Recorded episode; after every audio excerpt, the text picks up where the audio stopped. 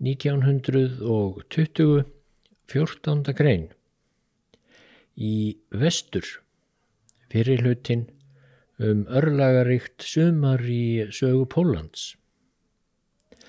Í sumarbyrjun 1920 virtist hið nýja pólska ríki standa með pálmann í höndunum gagvartinum rauða her kommunistastjórnarinnar í Rúslandi. En skjótt skipast veður í lofti og allt í einu var tilveru Pólans enn á ný ógnað. Frá því segir í þessari flækjusögu og reyndar líka fyrir næstu.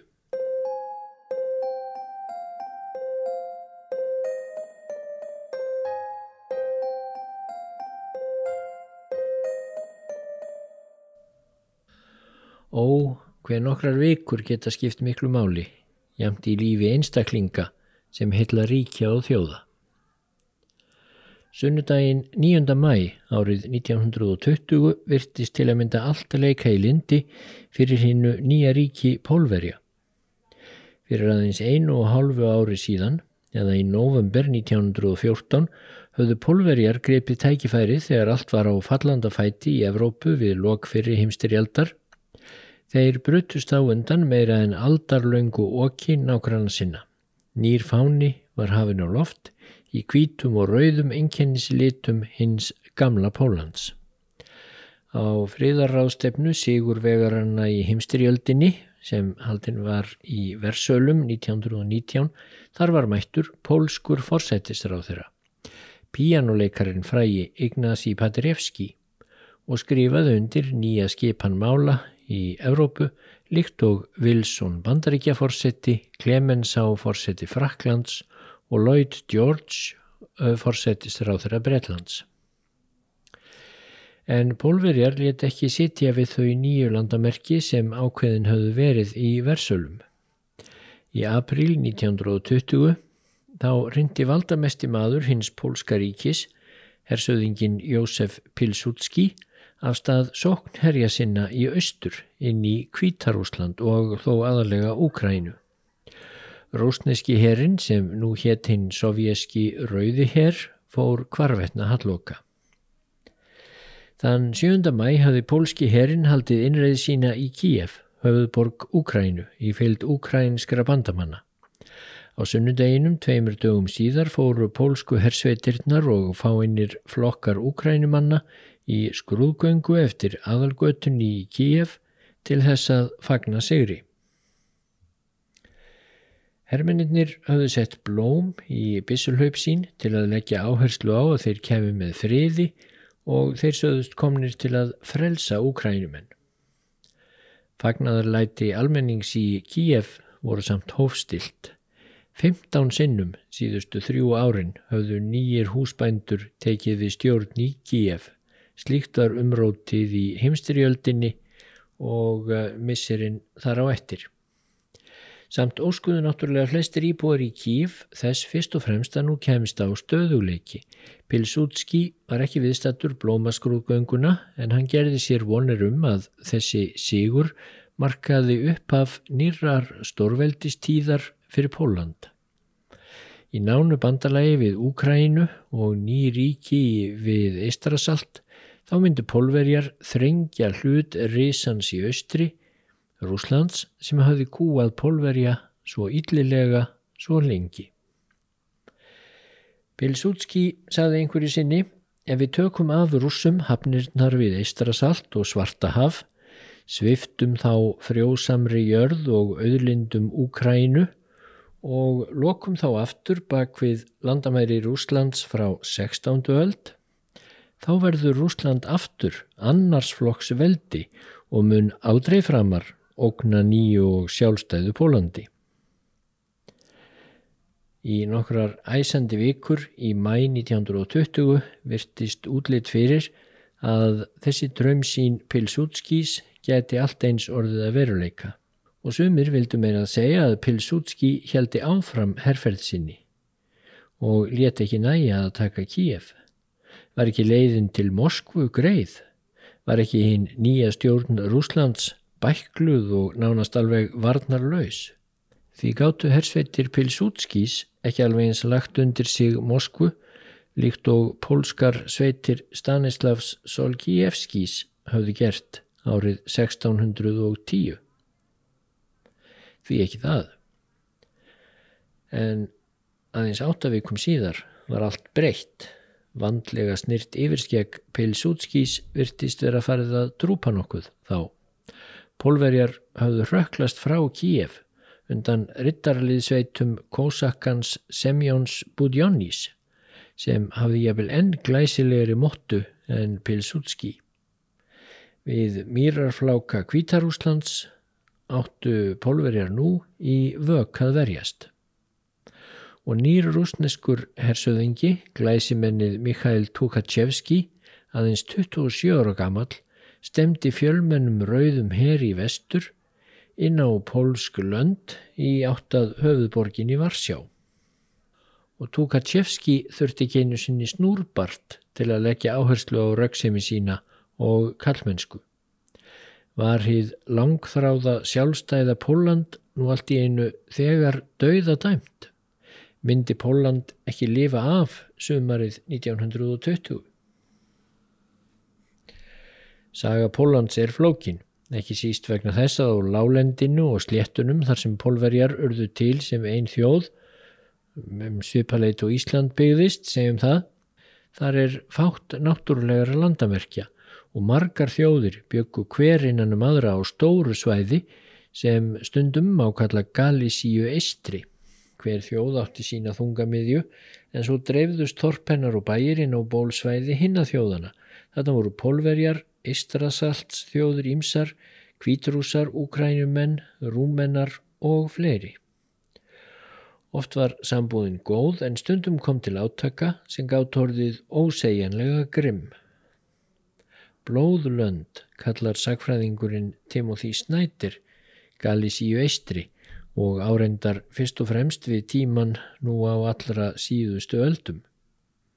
Þá voru skipulögð stórveldi farin að etja kappi um slétturnar og tala nú ekki um eftir að sá fjandi þjóðríkið kom til sögunar og öllum almenningi var ætlað að sjá hatrama óvinni í þeim sem ekki töluðu sama tungumál og skildi ekki sömu ættjarðarljóðin sama skilningi.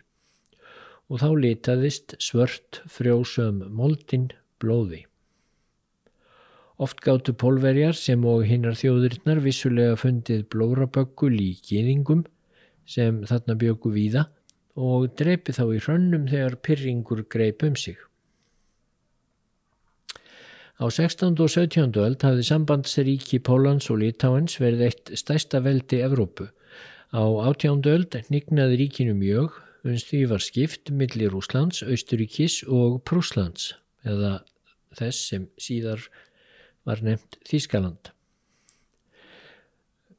Rússar hyrtu stæstapartin þar á meðal höfuðborgina Varsjá og biskja pólverja vegna örlaga sinna beintist því helst að rússum en það voru rússar harðir húsbændur. Þeir bældu með hörku niður alla sjálfstæðis viðleitni pólverja og vildu helst brjóta þjóðarvitund þeirra mjölinu smörri.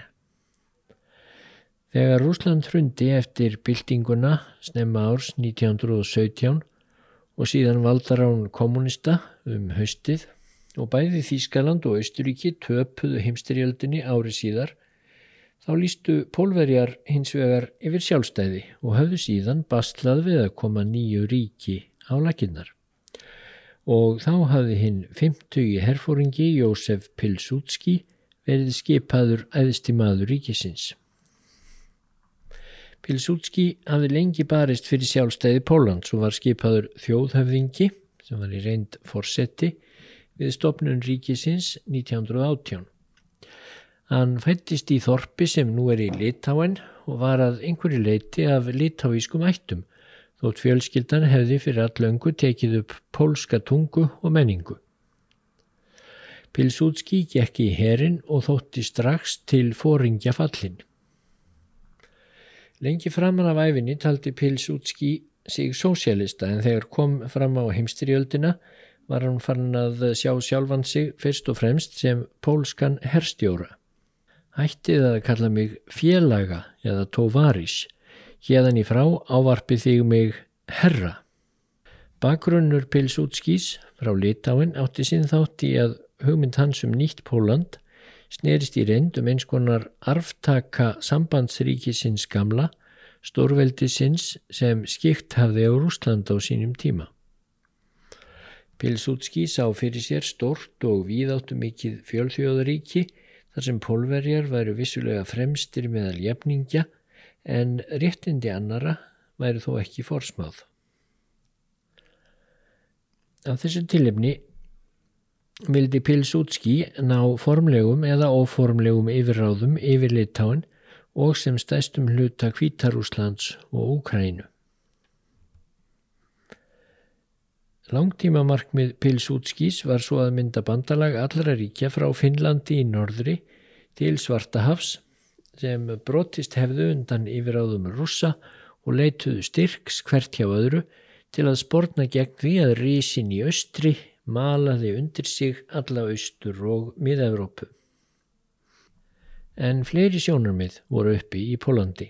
Helst í keppinautur Pilsútskís innanlands var stjórnmálamadurinn Roman Dumovski sem var mjög áhrifamikill um þetta leiti vegna náinn að tengsla sinna við bandamenn sigurvegarana í heimstyrjöldinni. Dumovski sem var gýringahattari og þjóðurnisöfgamadur vildi reynd pólst þjóðríki og engar refjar. Bandamenn letu sig mjög varða örlög Pólans bæði vegna nálæðar við kommunistaríkið sem virtist nú ekki lengur döðvona líkt og verið hafði í upphafi borgarastriðsins í Rúslandi og svo vegna þess að pólverjar virtust ekki æfinlega hafa hagsmunni ólíkra þjóðarbrota í hávegum innan þeirra fremur óvissu landamæri sem ríki tók sér árið 1918. Strax við undirreitun versalasamningana þurfti Penderevski fórsettist ráð þeirra að skrifundir sérstakt plagg þar sem Pólska ríkið hétt því að virða réttindi minnilhutahópa í landinu. Og það var vist ekki alveg að ástæðu lausu sem pólverjum var gert að skrifa undir þetta. Árið 1919 gekk hann að sá ymsu fyrir hinnu nýja pólska ríki. Pólverjar áttu í stríðsátökum bæði við Litáa og Úkrænumenn og þeir áttu í miklum deilum við Tjekka, Þjóðverja og fleiri. Þegar kom fram á árið 1920 var þó búið að semja við flest alla nágrana og þá hóf Pilsútski sóknina til Kíef og hrækti sovjerska herin sem sagt á braud. Það kostiði reynda lítil átök því sovjerski herin í Kíef let borgina af hendinær baráttu löst í þetta sinn. Og því var það að þann 9. mæ 1920 virtist tíð Nýja Póland standa með pálmann í höndunum eða réttar sagt með blómin í bissukjöftunum líkt og í skrúðgöngunni þar í Kíjaf þann góða dag. Pilsútski virtist nú hafa um tvo kostið að velja og báða góða.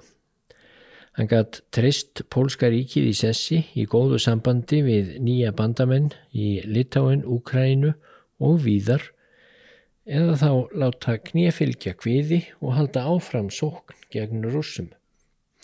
En þótt þessi sunnudagur væri fagur þá var Pilsútski skarpskignar en svo að hann ímyndaði sér að rúsneski björnin væri unnin. Kommunistastjórn Lenins hafði árið áður verið í úlva kreppu svo að henni var stundum vart hugað líf. Óvinnir hennar voru legjó.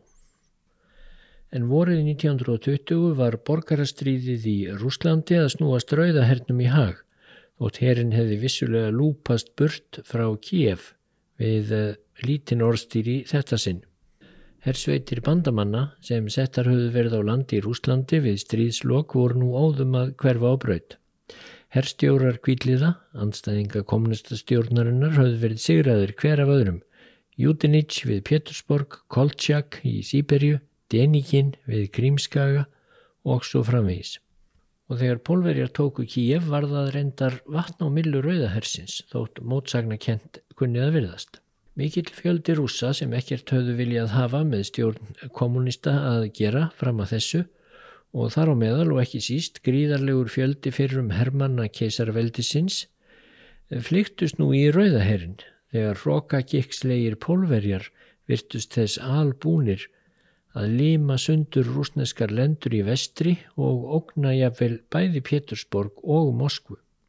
Leðtógar kommunista í Moskvu, Lenin og félagar, sem fram að þessu höfðu æfinlega þóst fyrirlíta þjóðrembu hverskonar, en þeir reyndust nú reynd ekki yfir það hafnir að höfða stíft til þjóðverðniskendar rússa og uh, grenja um að henni miklu rúsnesku móður væri ógnað.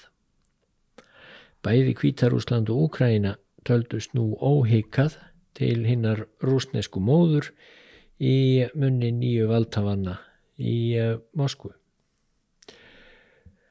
Kornilov helsti hersöðingi Nikolásar Sáluga keisara skrifaði til dæmis innblásna grein í málgagn kommunista pröfdu þar sem hann kvatti gamla hermenn keisarans eindreið til að ganga nú í rauðaherrin og þeir hlýttu.